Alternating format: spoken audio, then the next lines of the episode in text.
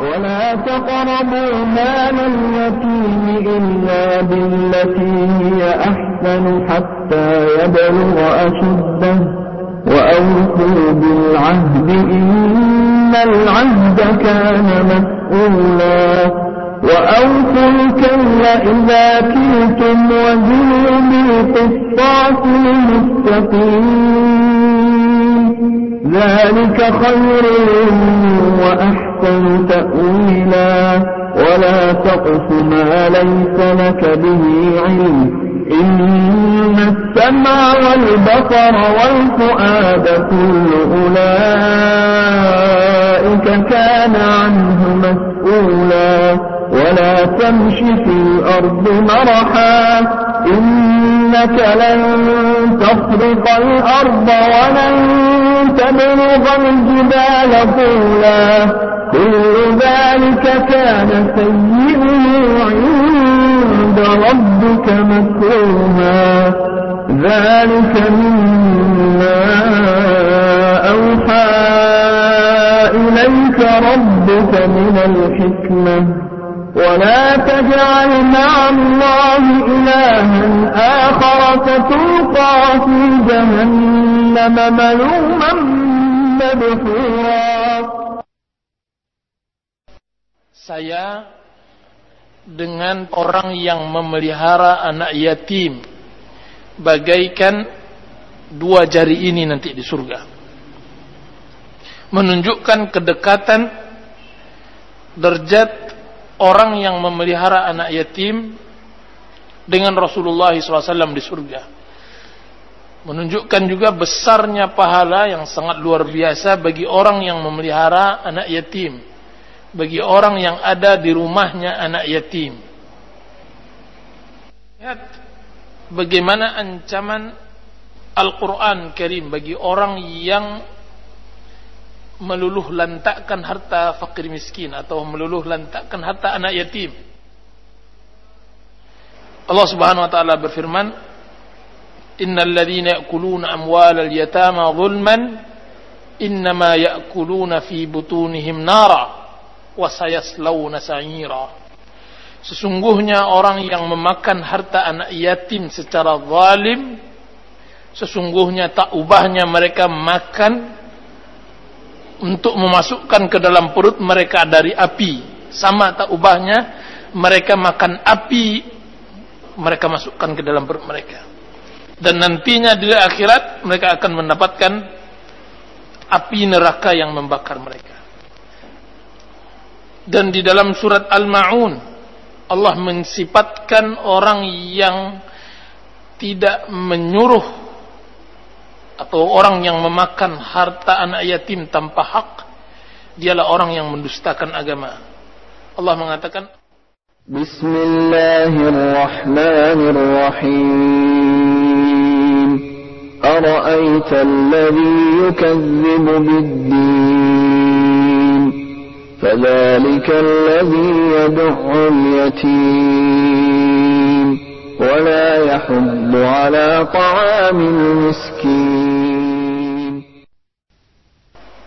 tergolong mereka tergolong dua golongan golongan yang pertama anak yatim yang ditinggalkan ayahnya sedangkan dia tidak mempunyai harta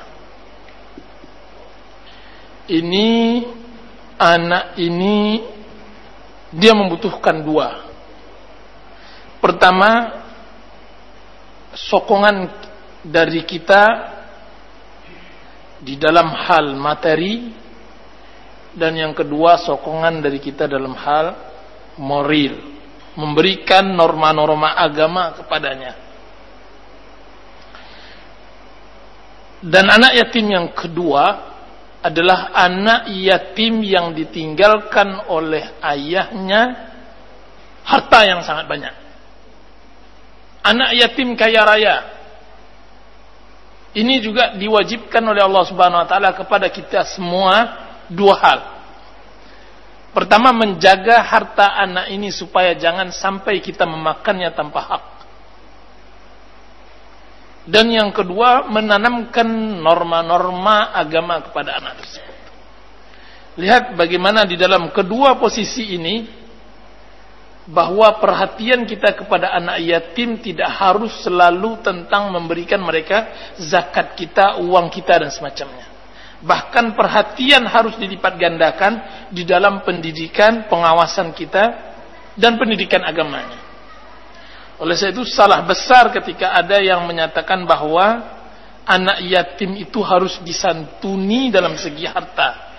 Tidak harus. Karena bisa saja anak yatim lebih kaya dari kita. Yang perlu di dalam hal ini yang utama adalah memberikan sebuah lingkungan islami kepada mereka.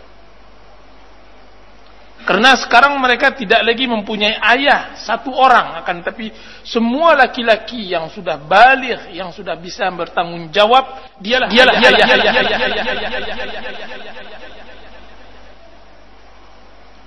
Dan boleh kita golongkan yang ketiga anak yatim yang mempunyai ibunya kemudian kita nikahkan ibunya. Itu kita nikahi ibunya, boleh. Menolong ibunya dan menolong anaknya dan menolong kita juga. Ini juga sunnah yang lupa juga, sering dilupakan. Barang siapa di antara kita yang mau menegakkan sunnah seperti ini telah dilakukan oleh Rasulullah SAW. Ummuhan dilamar oleh Rasulullah SAW. Menolak.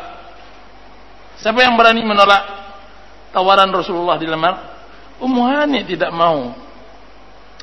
Dia tidak mau dinikahi oleh Rasulullah SAW dengan alasan yang ada pada diri beliau yaitu beliau tidak bisa memberikan hak beliau sebagai seorang istri dengan banyak anak yang dimiliki atau alasan yang lain. Yang jelas Muhani salah satu.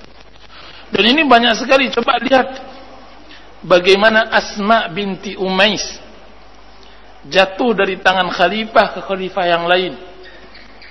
Setahu saya Asma binti Umais awalnya Asma binti Umais adalah bersuamikan Ja'far bin Abi Talib Ja'far At-Tayyar. Kemudian meninggal di perang Mu'tah. Kemudian berapa saat dan anaknya banyak. Sampai Rasulullah mengatakan, kenapa keponakan-keponakan saya begini kurus-kurus?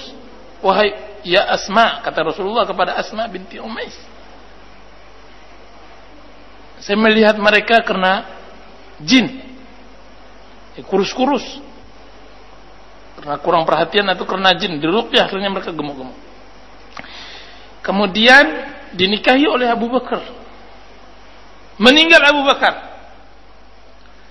Bahkan Abu Bakar mewasiatkan agar dimandikan beliaunya oleh, Asma binti Umais. Dan dimandikan oleh Asma binti Umais. Kemudian Asma binti Umais diambil oleh Ali bin Abi Talib. Coba lihat bagaimana perpindahan adalah hal yang biasa di kalangan salaf mempunyai perhatian kepada anak-anak yatim. Dan di antaranya lagi memperhatikan ibu. Ummu Sulaim. Ummu Sulaim dia mempunyai anak bernama Anas. Dinikahi oleh Talha dan tahu kita bahwasanya mahar ketika itu ditawarkan oleh Ummu Sulaim adalah Islam. Mahar yang termahal pada waktu itu. Yaitu Islamnya Talha. Itulah mahar yang diminta oleh Ummu Sulaim. Jadi ada tiga hal yang harus kita perhatikan di dalam masalah anak yatim ini. Yang terpenting dari itu semua, jika seandainya kaya, kita harus harus pandai menjaga harta anak yatim seperti ini.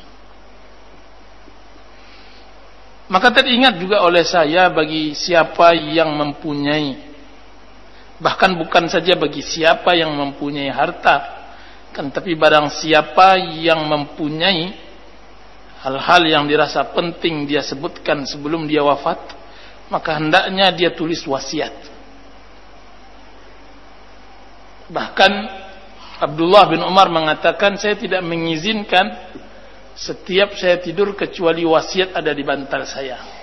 Karena kita tidak tahu kapan kita meninggal dunia dan kita tidak tahu ke mana kita akan serahkan anak-anak kita. Nah, berapa banyak orang yang meninggal tanpa mewasiatkan hal-hal yang dirasa penting untuk kelanjutan anaknya, kemudian porak-poranda. Wasiatkan anak anda kepada orang yang anda percaya yang bisa dia menjadi nanti menjaga dan membesarkan anak tersebut. Nah, bagi orang yang diwasiatkan seperti itu, dia benar-benar harus menjaga. Jangan sampai uang yang diberikan oleh orang tuanya tersebut berkurang. Dan Rasulullah SAW berbicara tentang masalah ini. Rasulullah mengatakan, Ittajiru amwal al-yatama likaila ta'kulahu sadaqah. Perdagangkan harta anak yatim, putarkan di dalam bisnis supaya jangan dimakan oleh zakat. Di sini juga hikmah bahwasanya uang kalau seandainya selalu dipendam dia akan berkurang dengan zakat. Nah, caranya supaya jangan berkurang dibisniskan. Dan itu cara berbuat baik dengan harta anak yatim. Dikembangkan. Dan yang lebih kita perhatikan lagi bahwa permasalahan anak yatim ini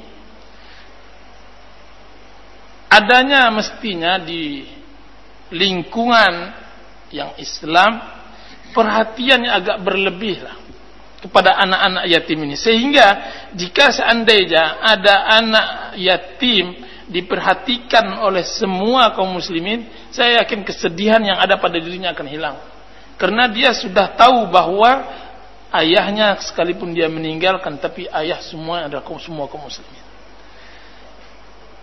Berikan sapaan setiap kita bertemu dengannya. Tanyakan keadaannya, tanyakan tentang kesehatannya, tanyakan tentang keadaan ibunya dan semacamnya. Pelajarannya, pendidikannya. Karena kita lihat secara umum anak-anak yatim ini karena kurang perhatian dari kita, maka biasanya dia lebih nakal daripada anak-anak yang lain. Lebih aktif yang menjurus kepada yang tidak baik. Sebab bagaimanalah seorang ibu sudah berubah statusnya menjadi seorang ayah, menjadi status rangkap di saat mulai banyaknya kaum muslimin lari dari janda-janda yang seperti ini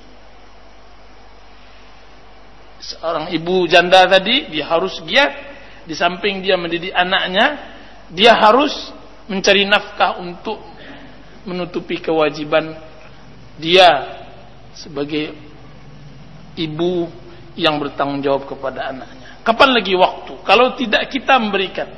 Lah kalau seandainya kita tidak bisa membantu ibunya maka sekurang-kurangnya kita bisa membantu dengan memberikan perhatian kepada anak yatim tersebut. Ya. Jadi Allah Subhanahu wa taala memerintahkan kita supaya jangan ikut andil di dalam makan harta anak yatim. Kemudian Allah Subhanahu wa taala lanjutkan wa aufu bil ahd dan tepatilah janji. Dan biasanya bahwa permasalahan anak yatim biasanya dibarengi dengan janji sebagaimana yang saya katakan adanya warisan, adanya wasiat dari ayah. Dan ini biasanya terpanggil antara kawan sejawat, sesama akrab. Kemudian meninggal satu, meninggalkan saudaranya yang lain, yang dahulu semasa mudanya dia pernah bergurau, pernah walaupun sekali bergurau kadang-kadang pernah ngomong tentang masalah anak. Kalau nanti saya meninggal tolong jaga anak saya. Mungkin bukan dalam bentuk perjanjian, akan tapi sekurang-kurangnya sebagai bentuk tanda persahabatan yang dia miliki, dia jaga anaknya. Dan sangat luar biasa sikap seorang sahabat jika seandainya dia punya kemauan dan mempunyai keinginan untuk bisa membantu istri temannya tersebut dengan menikahinya. Ini mungkin belum ada sunnah seperti ini. Kemudian kita harus tegakkan begini. Kita cuatkan ke permukaan. Kawan sejawat, di mana ada dia di sana di situ dia. Kemudian meninggal kawannya tersebut terpukul. Dia karena dia tidak mendapatkan lagi kawan yang seperti itu. Pernah bergurau dahulu, misalnya kalau seandainya saya meninggal, tolong jaga anak-anak saya. Ada semacam tersirat kalau begitu, tidak ada jalan lain kecuali dengan menikahi ibunya, yaitu menikahi. Nah seperti ini itu kata-kata saya katakan tadi jika seandainya ada keinginan untuk menegakkan sunnah seperti ini. Kalau ditanya pribadi-pribadi itu jelas jawabannya juga pribadi-pribadi. Allah taala. Yang jelas sekurang-kurangnya saya telah menyebutkan hal ini sekurang-kurangnya jika seandainya ada yang melakukan saya sekurang-kurangnya akan mendapatkan pahala sedikit banyaknya. Amin ya rabbal alamin. Pelaksanaan sendiri-sendiri Allah. Kemudian wa'aufu bil ahd. Dan jelas bahwa menepati janji di sini bukan hanya sebatas masalah anak yatim. Akan tetapi janji secara umum. Wa aufu bil ahdi innal ahda kana mas'ula.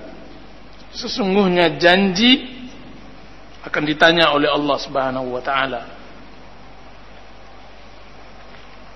Dan kita tahu bahwasanya menunaikan janji adalah tanda-tanda orang mukminin. Dan sebaliknya mengingkari janji adalah tanda-tanda orang munafikin. Sebagaimana yang disebutkan di dalam hadis. Bahwasanya orang-orang munafikin jika seandainya dia berjanji dia menipu dia mengingkari. Idza ahada ghadar. Jika seandainya dia berjanji dia mengingkari. Kemudian Allah Subhanahu wa taala sebutkan kembali tentang masalah jika seandainya kita mempunyai harta atau kita memiliki harta anak yatim atau kita mempunyai bisnis yang di dalamnya ada perjanjian hendaknya di dalam bisnis harta tersebut kita harus benar-benar memahami tentang masalah timbang menimbang. Allah Subhanahu wa taala katakan wa auful kaila idza kiltum dan penuhilah timbangan jika seandainya kalian menimbang. Wazinu bil qistasil mustaqim. Dan takarlah dengan timbangan yang lurus. Dzalika khairun wa ahsanu ta'wila. Bahwa itu lebih baik dan ahsanu ta'wila dan akan akibatnya juga baik bagi seorang hamba dari dia melakukan kecurangan-kecurangan di dalam menimbang. Al-kail dan mizan itu berbeda di dalam perdagangan pada zaman dahulu. Mizan adalah timbangan yang mempunyai dua telinga buat telinga itu. Sedangkan al-kailu timbangan yang satu begitu. Ada timbangan yang satu saya timbangan dapur itu yang punya satu itu dan eh, apa namanya? dia mengikuti jarum. Akan tapi timbangan yang akurat adalah timbangan dua telinga. Oleh sebab itu di akhirat nanti mizan adalah timbangan yang mempunyai dua kafatan. Karena itu yang paling akurat. Oleh itu Allah taala alam orang menimbang emas dan semacamnya dengan timbangan yang dua timbangan yang sebanding begitu lebih akurat daripada timbangan yang dikasih jarum atau semisalnya wa auful kaila idza kiltum wazinu bil. Allah menyebutkan tabiat yang buruk di kalangan pedagang atau pebisnis jika seandainya dia menimbang untuk dirinya maka dia lebihkan Kan tapi jika seandainya dia menimbang untuk diri orang lain, maka dia kurangi. Dan ini bagi Allah Subhanahu wa taala mereka telah disediakan neraka wail. Sebagaimana dalam surat Al-Mutaffifin, wailun lil mutaffifin alladzina idza iktalu 'alan nasi yastawfun wa idza kaluhum aw wazanuhum yukhsirun celakalah bagi orang-orang yang mutaffifin. Siapa mutaffifin tersebut? Yang mana mereka jika seandainya menakar atau menimbang untuk manusia mereka kurangi. Jika seandainya menimbang untuk mereka mereka lebihkan.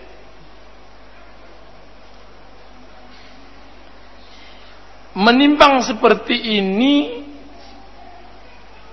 jika seandainya dia biasakan maka akan terbiasa menjadi tabiat semua keuntungan untuk dia akan dia usahakan dapat semua keuntungan untuk orang dia usahakan untuk berkurang sehingga dia ingin yang enak saja kan tapi dia tidak mau rugi di dalam keadaan bagaimanapun. Kalaupun dia terhimpit, kalau bisa dia harus di atas. Kalaupun dia terkurung, sekurang-kurangnya harus di luar. Pokoknya baginya standar dan moto hidupnya tidak boleh merugi. Kalaupun dia nanti merugi di dalam bisnisnya, mestinya orang lain harus kena imbasnya. Nah, wa auful kaila idza kiltum wazinu bil qistasil mustaqim itu lebih baik. Dzalika khairun. Itu lebih baik karena dia akan mendatangkan berkah. Sedikit tapi berkah lebih baik daripada banyak tapi tidak berkah. Apalagi jika seandainya bisnis yang bersih seperti ini bukan hanya sedikit berkah, tetapi banyak berkah lebih baik daripada sedikit tidak berkah.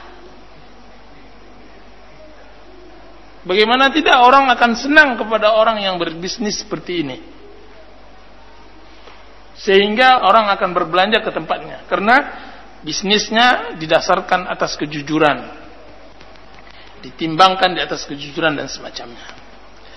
Sudah itu Allah Subhanahu wa taala berbicara tentang masalah ilmu. Allah mengatakan wala taqfu ma laka bihi ilm. Janganlah engkau berkata beramal yang mana engkau di sana tidak mempunyai ilmu. disebutkan oleh Syekh Abdul Rahman Sa'di bahwa la taqfu artinya wala tattabi' ma laysa laka bihi ilm. Jangan ikuti yang engkau tidak tahu ilmunya.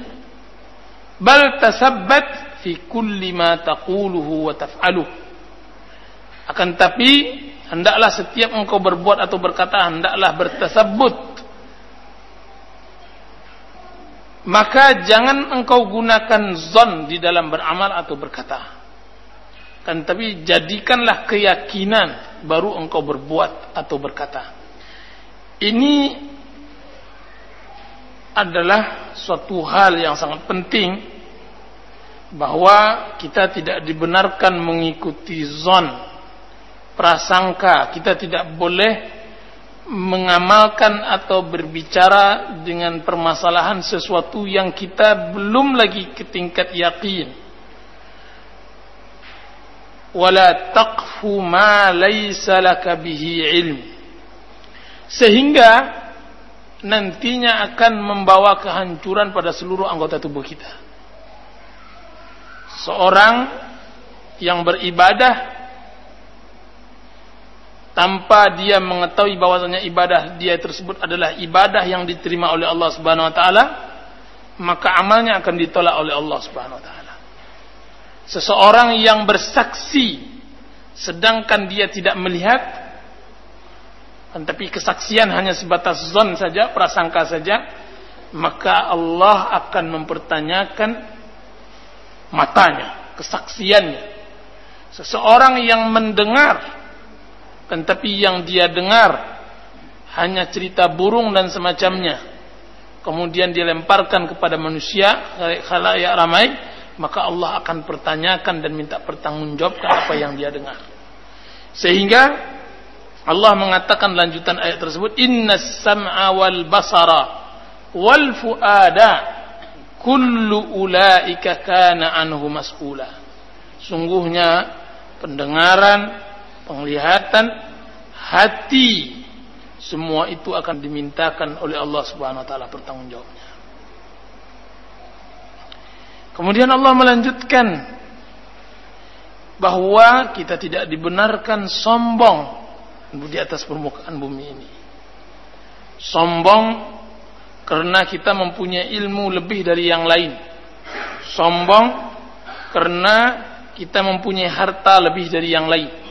Sombong karena kita lebih mengetahui dari yang lain dan semacamnya. Karena Allah mengatakan wala tamshi fil ardi maraha.